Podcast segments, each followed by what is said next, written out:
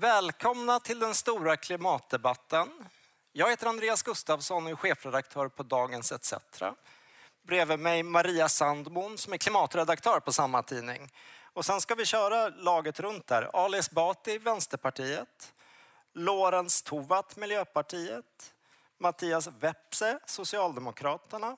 Rickard Nordin, Centerpartiet. Joar Forsell. Åh oh, gud, vad många ni är. eh, Liberalerna och Camilla Brodin, Kristdemokraterna. Och sen inga moderater, de vill inte komma. De tackade nej direkt med vändande post. Det kan ni ta med er. Och sen har vi Martin Kinnunen från Sverigedemokraterna som tackade jag först av alla. Så här.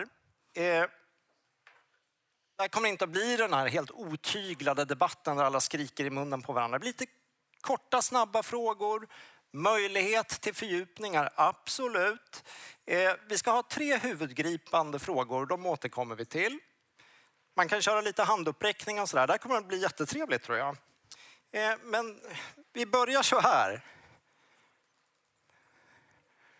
Här bakom alla deltagarna ser ni en bild från Grekland i sommar. Och det här är min och tidningens och Marias bakgrund till den här debatten. För oss som tidning är klimatkrisen en jättefråga. Så självklart har vi det här på primetime på vår valfest, en debatt om klimatet. Och ni vet ju, FN säger att det här hotar, det är liksom ett civilisatoriskt hot. Eh, vi måste halvera utsläppen väldigt snabbt för att ha en chans att klara klimatmålen. Det är vår bakgrund, liksom forskningen, FN, liksom den här konsensus som ändå finns. Men ja, nu ska vi ta det här, liksom, rikspolitiken, vad ni har för förslag. Och jag lämnar över till Maria. Ja, och som ingen här antagligen har missat så befinner vi oss nu i slutskedet av eh, valrörelsen 2022. Och sannolikt så har partiernas prioriteringar eh, börjat bli synliga för väljarna. Men vi, för att hjälpa till ytterligare med detta så tänkte vi utgå från en bild. Ska vi se, är det där? Nej, det är det inte. Det är den. Här nu kanske inte publiken ser jättebra, men det är eh, Novus senaste opinionsundersökning eh, över då väljarnas viktigaste valfrågor. Eh, och där ligger miljö och klimat på plats fyra. Eh, och som jämförs, man kan säga när ungdomar får svara på liknande enkäter så brukar frågan komma högre upp. Men nu skulle vi vilja att ni använder papperna och pennorna framför er och skriver en siffra mellan då 1 och 10 där ni tycker att klimatfrågan platsar. Och så kan ni lägga ner pennorna när ni är klara. Stort liksom? Så stort ni kan. Ja. Ja.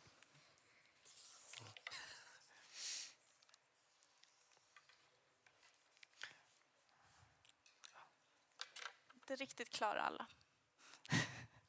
Ska vi hålla upp de som känner sig klara?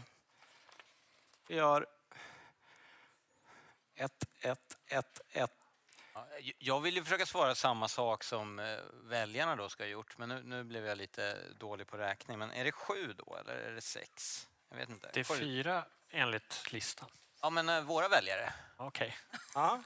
Då är nog eh, Ja. Det är nog Ja. ti- tio kanske. ja. Under tio. Men det var ju Nej, det finns några. någon på noll Och du andra ett, så det är en delad. Jämställdhet är ju noll Andreas, vad kan vi konstatera då när vi tittar på lapparna här? Ja, men det, ser, det är som en uppåtgående graf här, liksom, eller nedåtgående kanske man ska säga. 1, 1, 1 och sen, jag tycker det vore lite, ha, lite spännande att höra från KD i den här frågan. Om vi börjar där, vad var det fyra?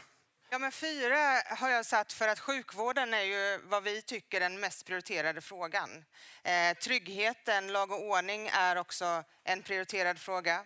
Sen så har vi ju energipolitiken och de ökade levnadskostnaderna som sammantaget om man tittar på det. Men sen så kommer ju givetvis klimatpolitiken också. Så om- därför blev den fyra för mig. Den här sommaren, den, den har vi ju alla sett här. Det gör inte att det skjuts upp lite för dig, klimat. Alltså vad behövs för att klimat ska hamna tre eller två eller ett? Nej, men om man inser att energipolitiken är ju en av de viktigaste klimatåtgärderna som vi har, där vi ser att de, man kan minska liksom de stora utsläppen. Om vi jobbar aktivt med, en, med eh, energipolitiken som sådan så skulle vi kunna flytta, flytta väldigt, väldigt mycket. Så att eh, det, de hänger ju allt mer och mer ihop. Samtidigt som energifrågan också är en säkerhetspolitisk fråga numera i, i och med ja, Rysslands invasion av Ukraina. Mm, mm. Nu är det många som räcker upp händerna. Vi- Det här är ett kort moment, men vi släpper in Joar. Men det, det, och för att ta vid där så får man ju säga ändå att klimatfrågan är också en säkerhetspolitisk fråga. Så prioriterar man säkerhetspolitiska frågor ska ju klimatfrågan upp. Jag satte en tvåa eh, och det gör jag därför att skolan är den viktigaste frågan för Liberalerna. Det är ju skolan vi kommer att prioritera. Men av alla frågor man kan prioritera så har vi lyft fram skolan, integrationen och klimatet eh, som de, de tre viktigaste sakerna den här valrörelsen. För det är klart att det är ju så att eh, ja, det går inte att, det går inte att ha en skola eh, heller på en, på en utbränd planet. Men det är ändå så att Liberalerna har skolan som sin högsta prioritet. Men som sagt, klimatet är en av de tre. Därför satte jag en tvåa. Så det var en, Skolan högre och sen tar vi Rickard och sen rusar vi in i de tre stora frågorna. Är det okej, Lorentz? Jag- Du står och stampar lite nu. Ja, vi, vi, vi gör så ändå. Rickard, kort då. Men poängen med att sätta klimatet först är att den löser ju rätt mycket av de andra frågorna också, eller åtminstone bidrar till lösningar. Alltså tar du elbilar till exempel, fler sådana på gatorna så betyder ju det renare luft. Det betyder mindre hälsokostnader, det betyder bättre sjukvård. Det, jag menar, ta lag och ordning och integration och, och migration. Fundera på vad som skulle hända om vi inte löser klimatfrågan med migrationspolitiken och framförallt de migrationsströmmar vi får i världen. Ta liksom landets ekonomi, sysselsättning, arbetslöshet. Vi pratar ju tiotusentals arbetstillfällen i Sverige som är potentiella om vi löser det här. Det finns otroligt mycket att vinna på att göra detta. Förutom den moraliska skyldigheten såklart att ställa om. Moralisk skyldighet, mycket att vinna och till de stora ämnena vi ska prata om. Och vi ska inte börja med energi. Maria tar över. Ja, eh, för enligt Naturvårdsverket då så behöver de svenska utsläppen minska med mellan 8 och 10 procent per år. Eh, En uträkning från Uppsala-forskare visar på en betydligt högre siffra än så, minst 20 procent redan i år, om vi ska leva upp till vår del av Parisavtalet på ett rättvist sätt. Eh, där är vi långt ifrån idag och förra året såg vi till och med en ökning eh, av koldioxidutsläppen i Sverige med 4 procent.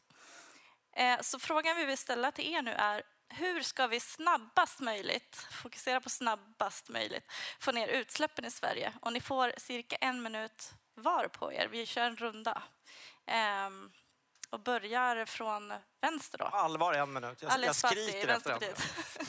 Ja, nej, men jag tycker att frågeställningen är, blir lite svår om man ska säga att man fokuserar på, på eh, De snabbhet. tre viktigaste Absolut. verktygen. som- Absolut, men Mm. jag vill ändå säga att eh, det är eh, kombinationen av, av snabbt och stort som är viktigt. Det vill säga om man behöver göra stora grejer så måste man sätta igång med dem snabbt. Eh, och eh, då är det ju eh, utbyggnaden av elnätet, både överföringskapaciteten och själva produktionen av el som är viktigt. Vi behöver ha stödsystem för att kunna ha en snabbare utbyggnad av framförallt vindkraft som är det som går fortast att bygga ut av de förnybara energikällorna. Och så behöver vi göra allvarliga liksom grepp för att prissystemet för el inte funkar som det gör nu. Vi kan inte betrakta och behandla el som en vara vilken som helst som ska handlas på en lite märklig marknad.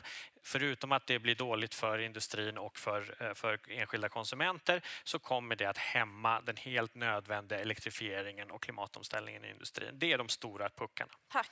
Lorentz Tovatt, Miljöpartiet. Ja, tusen tack. Eh, konkret, eh, först och främst behöver vi veta hur mycket vi kan släppa ut. Vi behöver en budget för våra utsläpp och den ska reglera mängden och den ska visa på att vi måste minska utsläppen väldigt, väldigt snabbt.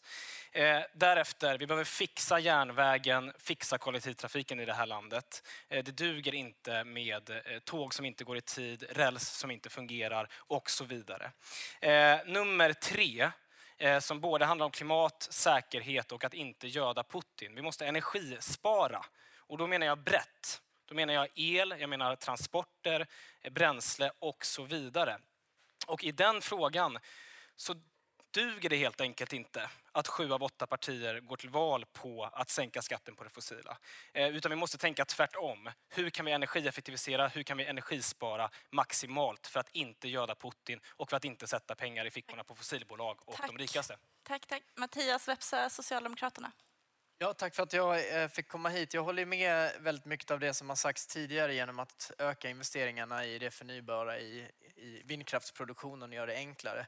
Men en viktig eh, aspekt för mig är att också ha en rättvis omställning. Att eh, vi fortsätter att göra de massiva investeringarna i den gröna industri och den industriomställning vi, vi ser runt om i hela landet. Det tänker jag skapa framtidstro hos alla de som kanske varit oroliga för att nu försvinner mitt jobb.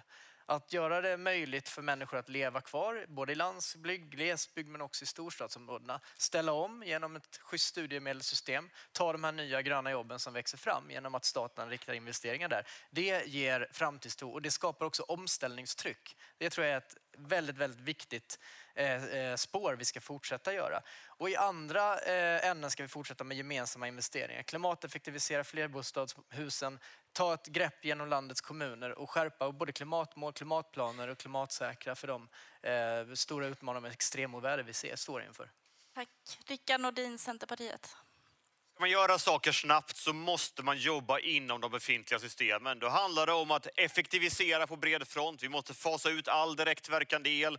Vi måste se till så vi får cirkulära affärsmodeller på plats.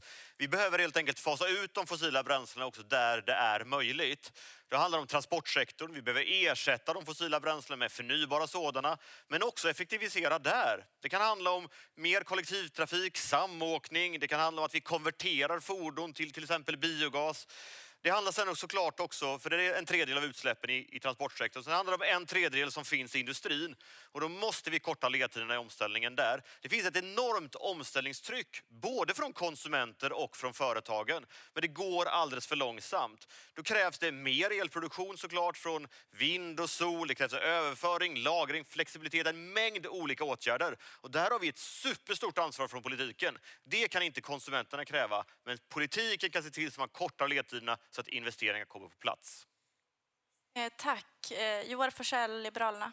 I grunden så handlar klimatfrågan och, att eh, klara klimatfrågan om att se till att vi klarar de förändringar som kommer att ske. Det kan vi göra, verk, den, den resan kan vi verkligen göra här och nu. Vi behöver se att elektrifiera allt så att vi inte använder fossila bränslen. Alla fossila utsläpp måste elimineras. Vi måste se till att vi har el till detta, både på kort och lång sikt. Jag håller med om att det behövs eh, mer vindkraft. Jag tror också att vi behöver eh, mer kärnkraft. Jag tycker inte det finns en motsättning. Tvärtom så eh, visst, det tar längre tid att bygga kärnkraft, men vi kommer också behöva den elen inom, inom eh, den tiden. Eh, så att, att börja med de här sakerna som tar lång tid. Jag tycker Vänsterpartiet sa det väldigt eh, bra faktiskt. Eh, Men att se till att eh, också göra de här sakerna som är snabba. Tack. Camilla Brodin, Kristdemokraterna. Men tack så mycket. Om vi ska klara klimatmålen så måste vi också använda oss av el.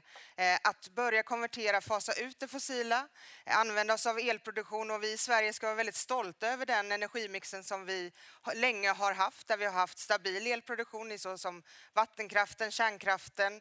Vi ser också utbyggnaden av förnybara, förnybara energikällor. För vi kommer att behöva mer av allt. Men då måste politiken också se till att det finns förutsättningar för att vi också ska, kan förverkliga alla de drömmar och de planer och de utvecklingar som ändå sker. För det sker väldigt, väldigt mycket i Sverige och speciellt i norra Sverige som vi kan se som en exportvara så att vi också kan exportera alla de möjligheterna som ändå blir klimatsmarta. För som det ser ut just nu, vi har stängt ner fungerande fossilfri elproduktion i södra Sverige. Eh, vi ser också Alltså, Tyskland som just nu har, har ja, startar igång kolen igen. Det blir helt kontraproduktivt bara för att man har försatt sig i en sån situation. Så att här behöver vi verkligen hjälpa till. Men då måste man också ha snabbspåren in för att effektivisera. Tillstånden måste ses över och det måste politiken ta ett ansvar för. Tackar. Sista då, Martin Kinnunen från Sverigedemokraterna. Ja, alltså det, det, det jag tycker det som är lite tråkigt men som också är verkligheten är ju att allting tar tid när det handlar om sånt här. Det tar tid att påverka klimatet, det tar jättelång tid och det tar också tid att åstadkomma ny energiproduktion. Men i Sverige så har vi, som tidigare talare sa, eh, vi har någonting att vara stolta över det vi gjorde på 50, 60, 70, 80-talen när vi, när vi fasade ut oljan eh, från vår uppvärmning och, f- och från vår elektricitet och byggde vattenkraft, vi byggde kärnkraft. Det som har hänt nu är ju att vi har en, en, haft en MP, C eh, ja, och ännu fler partier inblandade eh, som har havererat den här politiken och, och, och styrt åt helt fel håll. Så att det snabbaste vi kan göra det är att byta ut den här regeringen och få, och få till en ny regering på plats som, eh, som kommer verka för mer leveranssäker el till exempel. Sen måste vi ju se att det här är globala frågor. Ska man göra någonting snabbt, då är det ju en nedstängningspolitik. Då ska man stänga ner industrin. Då ska man göra det dyrast i världen att köra bil i Sverige exempelvis. Och det vill ju inte Tack. vi ha. Tack. Vi går vid, ni kommer få möjlighet att svara eh, på, när vi fördjupar frågorna lite. Ja, precis. Här, här blev det ju liksom en liksom mer polemiskt tonläge. Det var ganska mycket om andra partier och lite mindre om Sverigedemokraterna noterade jag. Men så här, eh, jag skulle nog vilja börja med Mattias här, alltså Socialdemokraterna. För här har vi visioner. Men med Socialdemokraterna har vi ju delvis facit också. Ni har haft åtta år på er. Hur nöjd är du med de åtta åren? Ehm, ja, när vi tillträdde för åtta år sedan så hade vi inget klimatpolitiskt ramverk till exempel.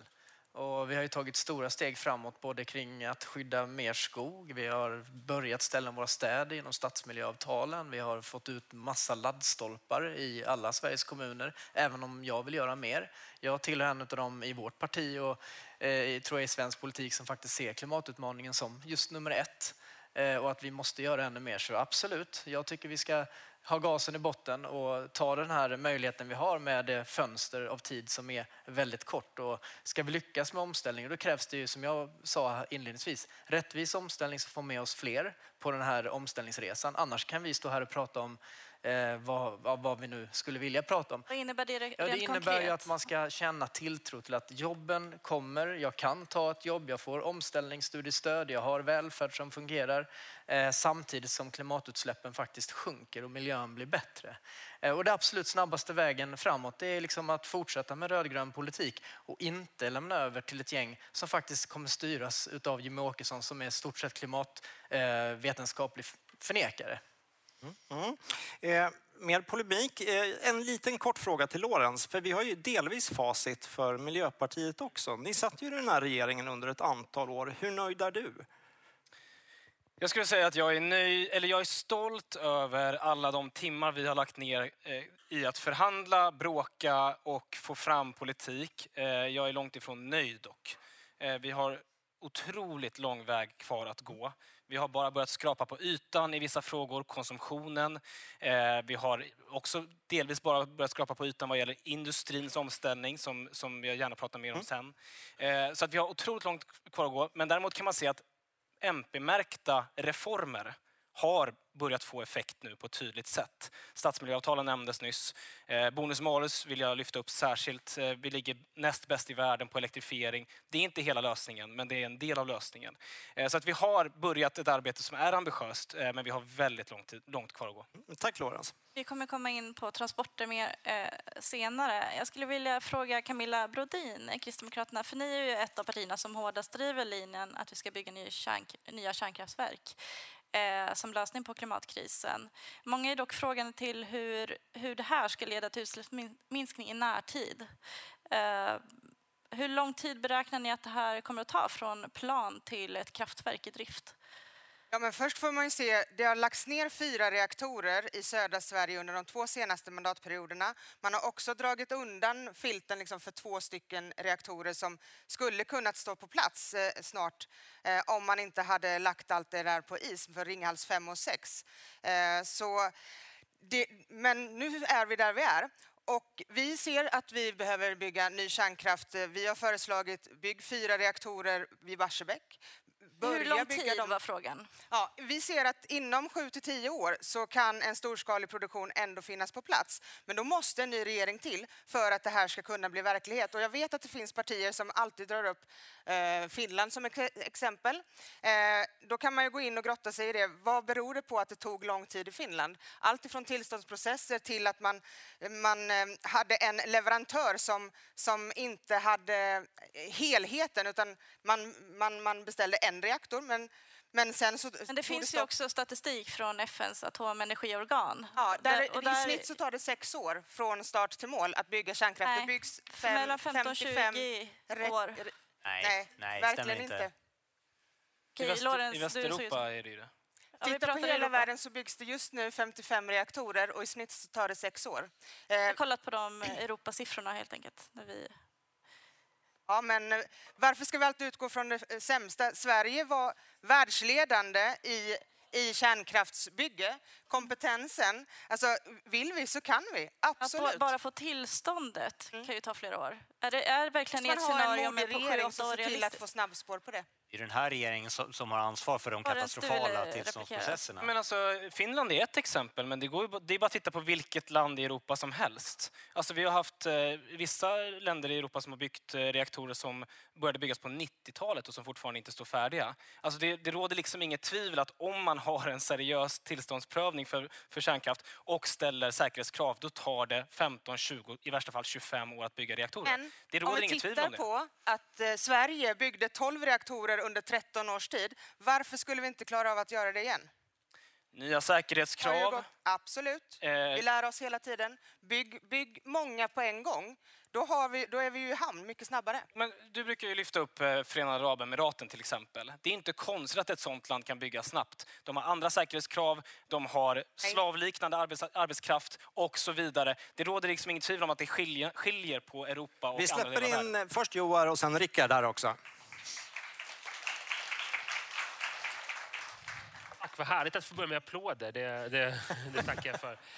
Eh, nej men så här är det ju alltid när man debatterar de här frågorna. Eh, jag, jag satt i näringsutskottet förut, men nu sitter jag utrikes. Men, men det var alltid så här när vi hade våra debatter. Det var liksom, de ena gänget var jättemycket emot kärnkraft och jättemycket för vindkraft. Det andra gänget var jättemycket eh, mycket för kärnkraft och hade svårt för vindkraft. Och helt ärligt så är det väl så att vi behöver alla fossilfria energislag. Och det är helt rätt. Men det- här, det är helt rätt att eh, det går snabbare att bygga vindkraft än att bygga kärnkraft. Jag håller helt och hållet med om det. Det är därför vi också behöver vindkraft och vi behöver ha vattenkraft. Och det är inga konstigheter. Vi behöver ha solkraft. Inga konstigheter. Men vi vet också att i framtiden kommer vi behöva använda ännu mer el. Och vi kommer definitivt behöva använda än, än, ännu mer el också om 15 år. Eller om det skulle ta 20 år att smälla upp ett kärnkraftverk. Vad vet jag? Det är helt rätt att, eh, att eh, man kan titta på de siffrorna och det är tillståndsprocesser. Det finns säkert saker man kan göra för att effektivisera. Men alldeles oavsett så kommer vi behöva alla fossilfria energislag och inte köra fast oss ideologiskt i för eller emot ett visst fossilfritt energislag. Det tror jag är en återvändsgränd för klimatet. Men saken är ju den att sedan 2009 har det alltså varit tillåtet att bygga ny kärnkraft i Sverige om man vill göra det utan statligt stöd. Det har inte hänt. Det är fortfarande tillåtet att göra det utan statligt stöd om någon vill. Och det har fortfarande inte hänt. Alltså att sitta och vänta på det här som finns någonstans, alltså framförallt de här fjärde generationens reaktorer som ligger fortfarande 20 år bort och har gjort det i 30 år. Det går liksom inte vänta, vi har inte den tiden. Däremot finns ju en enorm investeringsvilja i förnybar energi. Alltså investerarna står ju på kö, bolagen står på kö för att få sätta upp vindkraftsparker, sätta upp solel, göra liksom effekthöjningar i vattenkraft. Det finns ju en enorm potential. Det värsta som kan finnas är politiker som säger att vi ska bygga det eller det. Därför att det, det kommer ju garanterat bli fel om vi i riksdagen ska bestämma om enskilda kraftverk. Vi har gjort det en gång, det var om Barsebäck. Och där jag tänker att vi kan lämna den debatten bakom oss nu och så låter vi bolagen faktiskt bygga. För att det är då det går snabbast. Våran uppgift är i så fall att se till så att det går smidigare så att man får en lokal acceptans genom att man får behålla mer av värdet. Att vi har en diskussion med Försvarsmakten så vi kan använda samma regelverk som finns i andra länder som i våra grannländer. Det funkar alldeles utmärkt med hinderbelysningar och annat. Det är ju de sakerna politiken ska syssla med. Inte säga vi behöver mer av det här eller mer av det där. För att det kommer de lösa. Det är teknikval. Det är inte någonting vi ska syssla med i riksdagen och då löser sig problemet också. Vi lämnar kärnkraften en liten stund. Eh, eller kanske för gott denna debatt. Eh, men i flera, nu riktar jag mig till dig Ali Esbati, Vänsterpartiet. I flera valkompasser säger, säger ju VC vill avveckla fossila subventioner som, som ett viktigt, en viktig klimatåtgärd. Samtidigt så vill, har ni föreslagit pristak pristag på bensin och diesel som enligt riksdagens utredningstjänst skulle eh, kunna kosta lika mycket för Sverige som alla fossila subventioner under ett år. Hur, kan du förklara hur ni har tänkt kring det? Absolut. Eh, och det hänger ju lite ihop med den diskussionen som var innan. Att det blir ganska olyckligt att eh, klimatdebatten eh, blir som en slags liksom, idé, alltså identitetspolitisk teater närmast. Alltså vi behöver ha en ekonomisk politik som går ut på att ställa om alla viktiga saker som vi gör i det här samhället. Hur man känner inför olika typer av tekniker eller olika typer av enskilda åtgärder är inte det viktiga. Vi kommer alla att påverkas av klimatförändringarna. Vi kommer behöva lägga om den ekonomiska politiken om vi ska ha en chans att eh, göra de här förändringarna.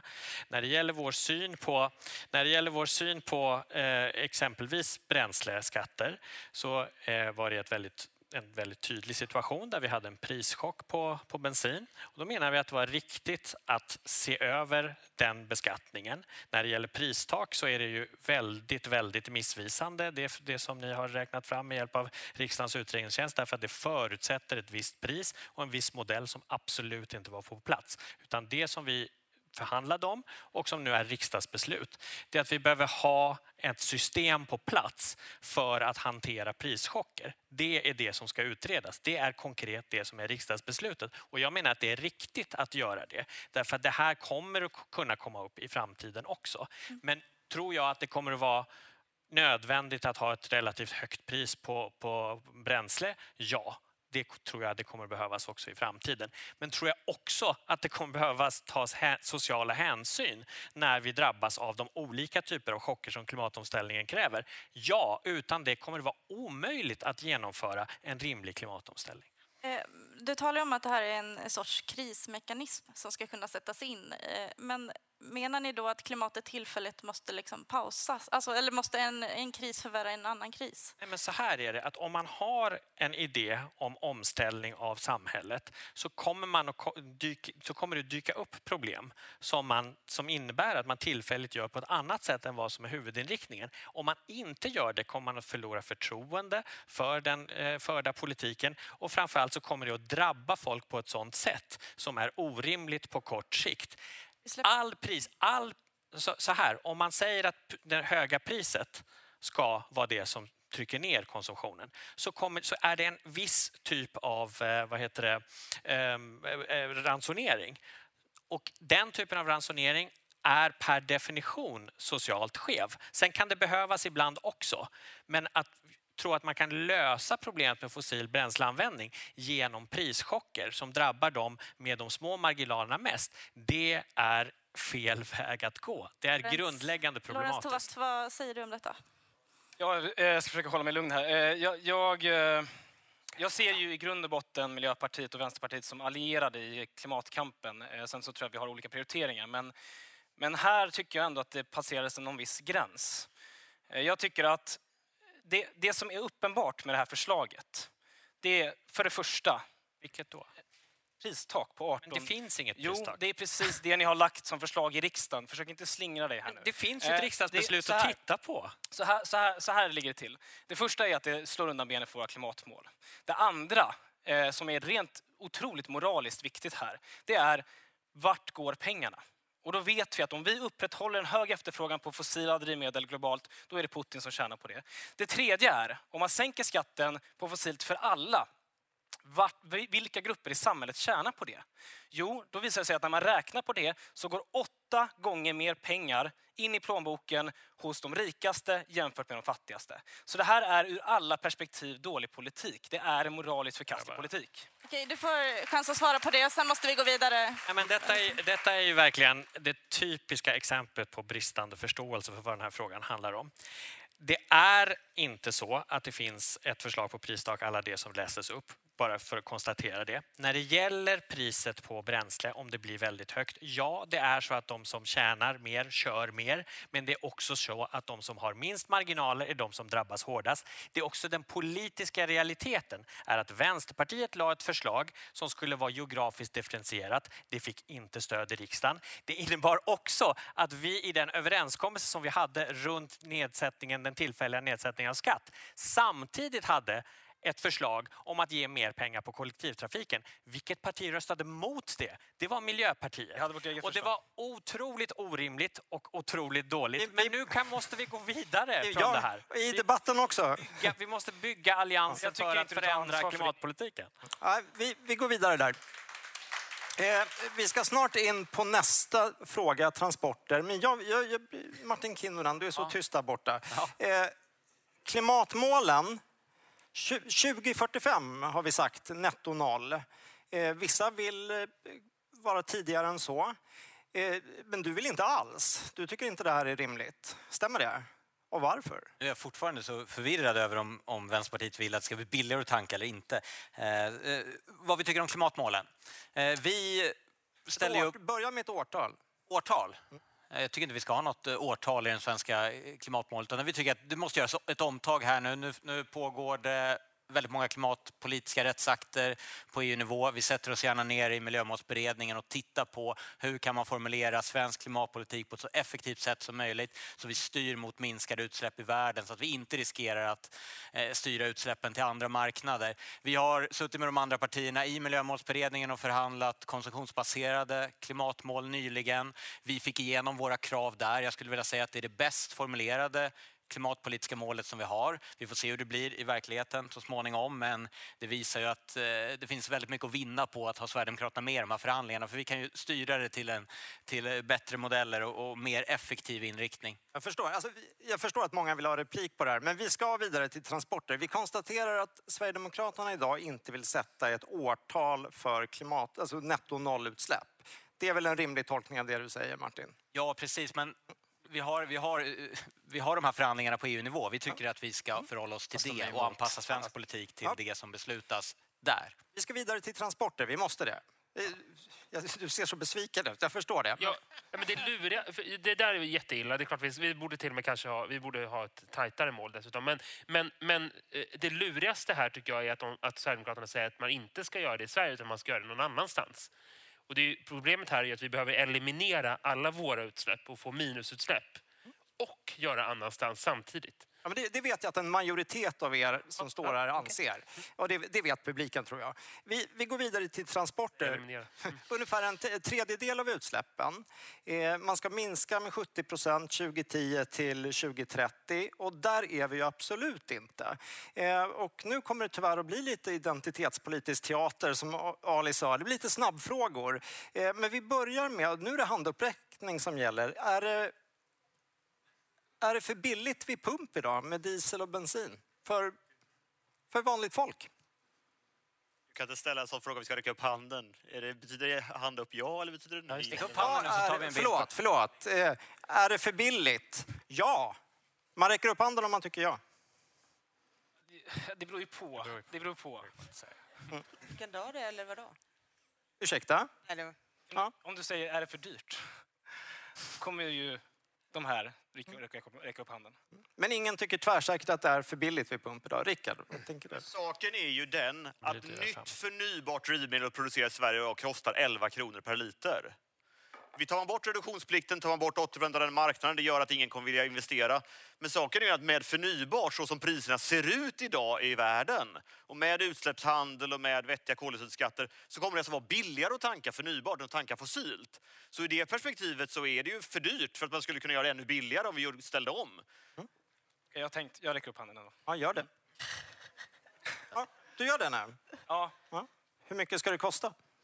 Ja, men vi har inte en exakt siffra, men det vi däremot säger är att prisutvecklingen på bensin måste gå i linje med ekonomin. Så att, eh, nu är det ju väldigt dyrt just nu, men samtidigt om vi tittar på kollektivtrafikpriserna så har ju de stuckit iväg långt eh, över det. Så att, ja. Jag håller ju med om det. och sen, och sen ska jag också säga... Ja. Höll med? Ja, men, Det räckte inte det är klart. Det var det jag försökte säga. nej, Jag du- sa att jag tror att det kommer behöva, vi kommer behöva betala mer för bensin i framtiden. Men jag tror inte på prischocker. Du har sagt 18 kronor. Det är ett tak. Jag har inte sagt 18 kronor. Nej, inte. Partiledare har sagt 18 Ja. kronor. Eh, 18 vi är är för dyrt. Ja, 18 är för dyrt. Men så här, eh, nu räcker man upp handen om man håller med och tycker ja. Vi har ett liksom, hög klass på vår- järnväg, vårt järnvägsnät. I, den håller god europeisk standard. Det är jättesvåra frågor du ställer. Jag vill däremot Alltså, upp handen och begära ordet. Ingen tycker det. Så det, är ganska, det är ganska dåligt på många ställen i Europa också, ska man säga. Ja. Men det är alldeles för dåligt i Sverige. Ja. Ja, det, beror- alltså, Ja. Jag tror ni är ute efter vad jag jämför med er. Det är liksom inte kanske de mest eftersatta järnvägsnäten i Europa. Jämför med Tyskland, jämför med Frankrike till exempel. Då är vi sämre. Ja, just det, då ska man hålla ner. Mm. Sämre. Om man jämför med Österrike, då är vi bättre. Nej, då är, nej, då är vi definitivt sämre. Ja. Men om vi säger så här då, hur, hur ska vi få en riktigt bra järnväg i Sverige som kan tra transportera folk tryggt och säkert och snabbt mellan så många platser som möjligt? Nu bjuder vi in Joar. Ja, vad bra. Nej, men i tid, ja, vi, vi, vi tycker att vi vill, vi vill ju rusta järnvägen. Vi vill, framförallt så tycker vi att vi ska prioritera de sträckor där många åker. Där, eh, här i Stockholm till exempel så är det viktigt att få till vår, vår arbetsmarknadsregion här att funka därför det är många som pendlar. Eh, och, eh, och då behöver vi göra det attraktivt med järnväg så att man inte tar, tar bilen. Men det är klart att vi behöver ju också se till att man kan åka, åka långt. Alltså att man kan ta tåget istället för att ta flyget när man åker på semester till exempel. Och, och vi och det är ju, eh, det, men det handlar ju både om att rusta så att det finns, så att det finns, att det finns moderna tåg och moderna, eh, modern räls. Men det handlar också om att se till att det är bra komfort mm. så, att, så att det är attraktivt, så att människor vill åka tåg. Mm. Mm. Mattias, nu är det din tur. Ja, men jag var inne på det i mitt inledningsanförande. Jag tror att en del är ett bättre fungerande reseavdrag som är teknikneutralt eller där man kan få hjälp för att åka kollektivt på ett enklare och bättre sätt. Särskilt också i de delar av landet där ja, men det kanske inte är lika enkelt att ta bilen. Eh, sen tror jag att vi, jag menar, vi har investerat enormt mycket i infrastrukturen under de här mandatperioden, mer än vad vi någonsin har gjort. Det handlar ju då om att få pengarna att användas på rätt sätt. Eh, vi har ju börjat att ta tillbaka delvis underhållet. Jag tänker att man kanske ska göra ännu mer där det går. Jag vet att man på europeisk nivå har precis tagit beslut som, som kanske gör det svårare, men ett underhåll som läcker pengar eller som är splittrat, det är både farligt för de som arbetar ute på järnvägar och det riskerar att inte heller gå till rätt saker. Så där kan vi göra mer. En, en snabb fråga till bara. Eh, ska medborgarna förvänta sig att ändra sina transportvanor? Det kan vara bil, det kan vara flyg med ditt partis politik. Ja. Vad var det där? ja. ja.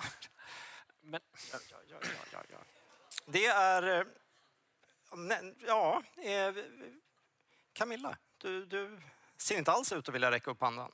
Nej, men alltså att staten ska gå in och bestämma på vilket sätt du ska resa i framtiden, det är väl inte, det är inte, det är inte statens uppgift. Däremot så måste vi underlätta för att kunna ställa om, i, eh, köpa elbil eller låta... låta alltså det, det är ju utsläppen vi ska liksom, ja, bromsa och inte transporterna. Utan här måste det finnas en palett för alla familjer. Alla människor har olika behov. Jag själv till exempel bor inte jättenära kollektivtrafik som alltid går. Eh, har två barn med särskilda behov. Det är klart att jag måste kunna se till att de kommer till och från skolan och så vidare. och så vidare. Alltså alla har ju olika förutsättningar. Såklart att vi måste kunna se till att vi har alla olika möjliga delar. Men då måste man göra det attraktivt att kunna åka på järnväg och välja det alternativet istället för exempelvis flyg, ja, om det nu ändå är så. Och jag menar resandet ser vi redan har börjat gå ner för att vi använder digitala möjligheter istället för att flyga för att vara med på en konferens en timme så är man med digitalt. Alltså det, det kommer att förändras, hela vårt beteende. Jag skulle vilja släppa in Rickard där snabbt bara. Men för det första så handlar det inte om att politiken ska bestämma hur man transporterar sig. Det handlar om att ge möjligheter. Vi har ett jätteproblem med cykelbanor då. Jämför Stockholmsområdet med Köpenhamnsområdet i frekvens på cyklingen. Väldigt många bilar i Sverige är ju alltså under fem eller kanske till och med under tre kilometer. Här finns ju en fantastiska möjligheter att faktiskt hitta alternativ. Men då måste vi bygga våra vägar så. Ju fler sådana här två till ett vägar utan cykelbana vi bygger, desto svårare kommer det vara att cykla. Vi måste ta in det redan från början. Och sen är det klart att det går att jobba hemma så länge det finns ett bra bredband. Men i många delar av Sverige så finns det inte ett bra bredband. Då måste man ju jobba med det också. Och Mattias var inne på det innan också, att reseavdraget är superviktigt här. Att faktiskt ställa om det så att det blir färdmedelsneutralt. Så att du får samma ersättning om du väljer cykeln eller bussen eller tåget eller bilen. Det är otroligt viktigt att ha rätt styrmedel hela vägen också då för att faktiskt också ge människor möjlighet att ställa om. För det är ju det som det handlar. Det handlar ju om att minska utsläppen, inte minska de behoven som finns. Däremot ska du uppfylla behoven på andra sätt än idag. En kort, en kort från ja, Lorenz och sen tar vi en lite ja, mer jag... öppen fråga där alla får höras. Jag vill bara reagera på det här mumlet som jag uppfattar det. Det vill säga otydlighet om att det krävs beteendeförändringar. Jag tycker att det är självklart att politiken också ska kunna säga vad som är hållbart och inte. Vet ni vad... Men... Vet ni vad som är den vanligaste flygsträckan i Sverige? Det är Stockholm-Göteborg. Det är inte rimligt. Men man ska, Och ska man den- inte få flyga Den Stockholm-Göteborg? enskilt viktigaste orsaken till att världen ser ut att missa Parisavtalet just nu, det är SUV-trenden. Det är inte rimligt. Och det måste politiker kunna säga. Men alltså, vad är konsekvensen av det då? Jo. Konsekvensen är att de som i Sverige? mycket ska betala mer. De som kör mycket SUV ska betala mer. Eh, vissa flygplatser ska stängas ner. Eh, vissa flyglinjer kanske också ska stängas ner rakt av.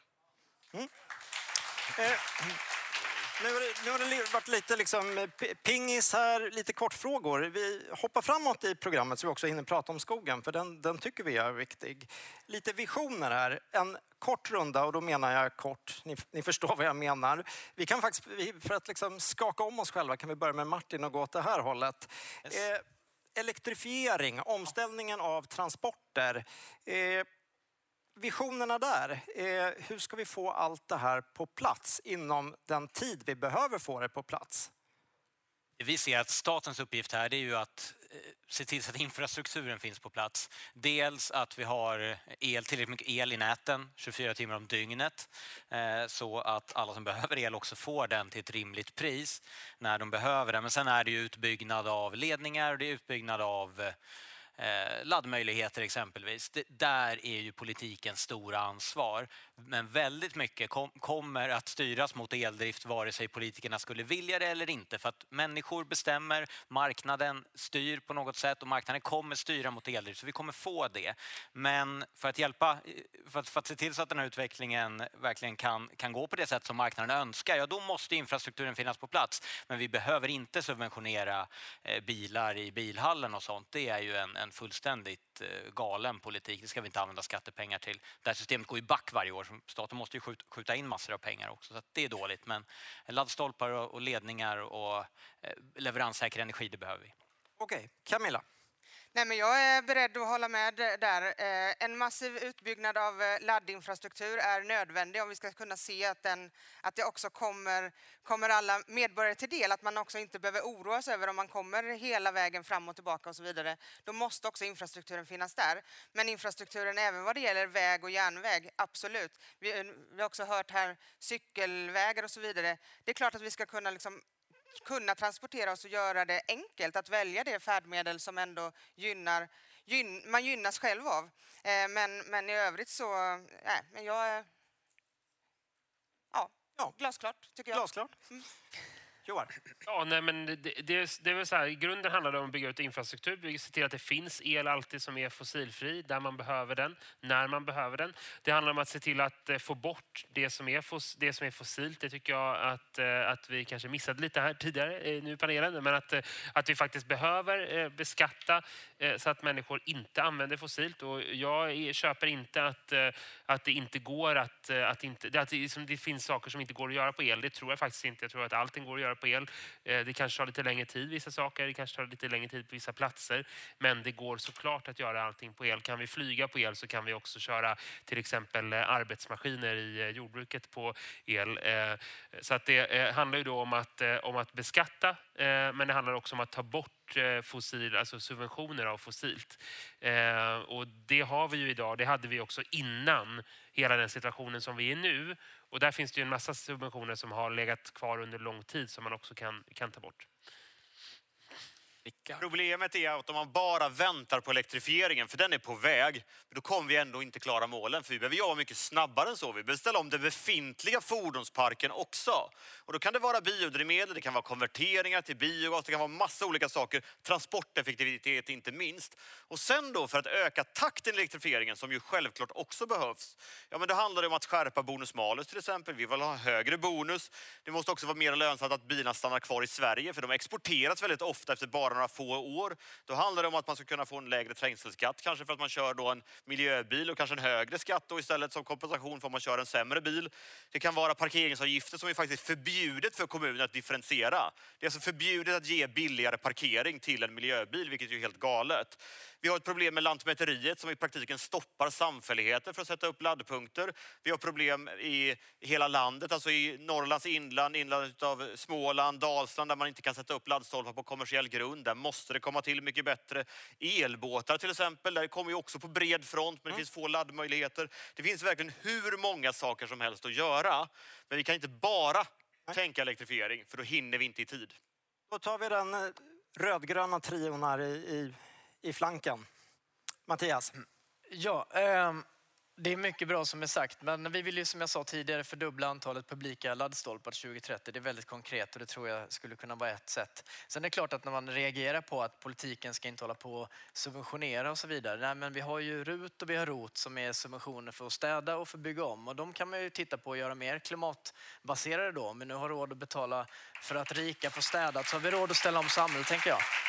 Eh, Så det är ett sätt. Och kanske också titta på Klimatklivet så att det är mer av vanligt folk som kan ta del av den subventionen. Hjälpa våra bostadsrättsföreningar, hyresgästföreningar, alla de som bor i flerfamiljshus. Se till så att man kan bli mer energieffektiv tillsammans. Idag har vi ju mängder av föreningar i det här landet som inte vet vad de ska ta, ta vägen med sina frågor. Där kan vi sätta tydliga krav på kommunerna med energirådgivning och se till så att man tar det här skuttet som man Ja, gjort i Hammarby får- sjöstad får jag exempelvis. Skicka vidare till Lorentz. Frågan just elektrifiering av transporterna eller vad det Vision för eh, Ja. omställningen av transportsystemet. Ja. Kort och rappt. Ja, men då har jag varit inne på transporteffektivitet. Alltså, vi måste ändra beteende. Det, har, det, det måste ligga som en grund för vi kommer inte klara det annars. Eh, sen skulle jag vilja säga, ja, laddstolpar behövs verkligen. Eh, jag tycker fördubbling är lite klent. Eh, snarare 20-dubbling skulle jag säga till 2030. Eh, och sen så måste vi helt strypa de fossila bilarna 2025. Eh, vi har infört bonus malus. Det tar oss en lång bit på vägen, men 2025 ska det vara helt slut med det. Eh, och eh, sen måste vi också ha ett slutdatum för fossilt överhuvudtaget. Eh, och det ska vi sätta 2030. 2030. Ali Esbati, vi avslutar med dig i den här omgången. Jo, men, eh, det, det finns ju en liksom, potpurri av, av eh, idéer här och det är fint. Eh, men jag vill ändå liksom fästa uppmärksamheten vid att det är väldigt få av de partier som pratar om de här sakerna som är beredda att tillskjuta de budgetmedel som krävs, som vill att det här ska påverka den ekonomiska politiken, det som staten faktiskt gör. Vi, vi, det investeringsprogram som Vänsterpartiet eh, presenterat eh, som är på ett tioårsperspektiv, där är ju transporterna den absolut största delen. Vi behöver både bygga höghastighetstågen och rusta upp den befintliga järnvägen för att vi behöver föra över både mer gods och mer persontrafik på tåg. Och då måste vi faktiskt göra det med statliga investeringar. Det är ett absolut faktum att nedgången, den tragiska och katastrofala nedgången för eh, eh godstransporter på tåg som har ägt rum i, i, i västvärlden, den hänger ihop med nyliberalismens genombrott. Det hänger ihop med att mer saker styrs marknadsmässigt. Då blir det så, därför att det här är system som måste man måste ta gemensamt offentligt ansvar för, annars kommer det inte att hända. Och det är vårt perspektiv. Jag, menar, jag förstår att det finns liksom poänger att vinna på att man säger att vi ska vara moraliska föredömen och så vidare. Och så vidare. Och jag tror definitivt att det har sin funktion.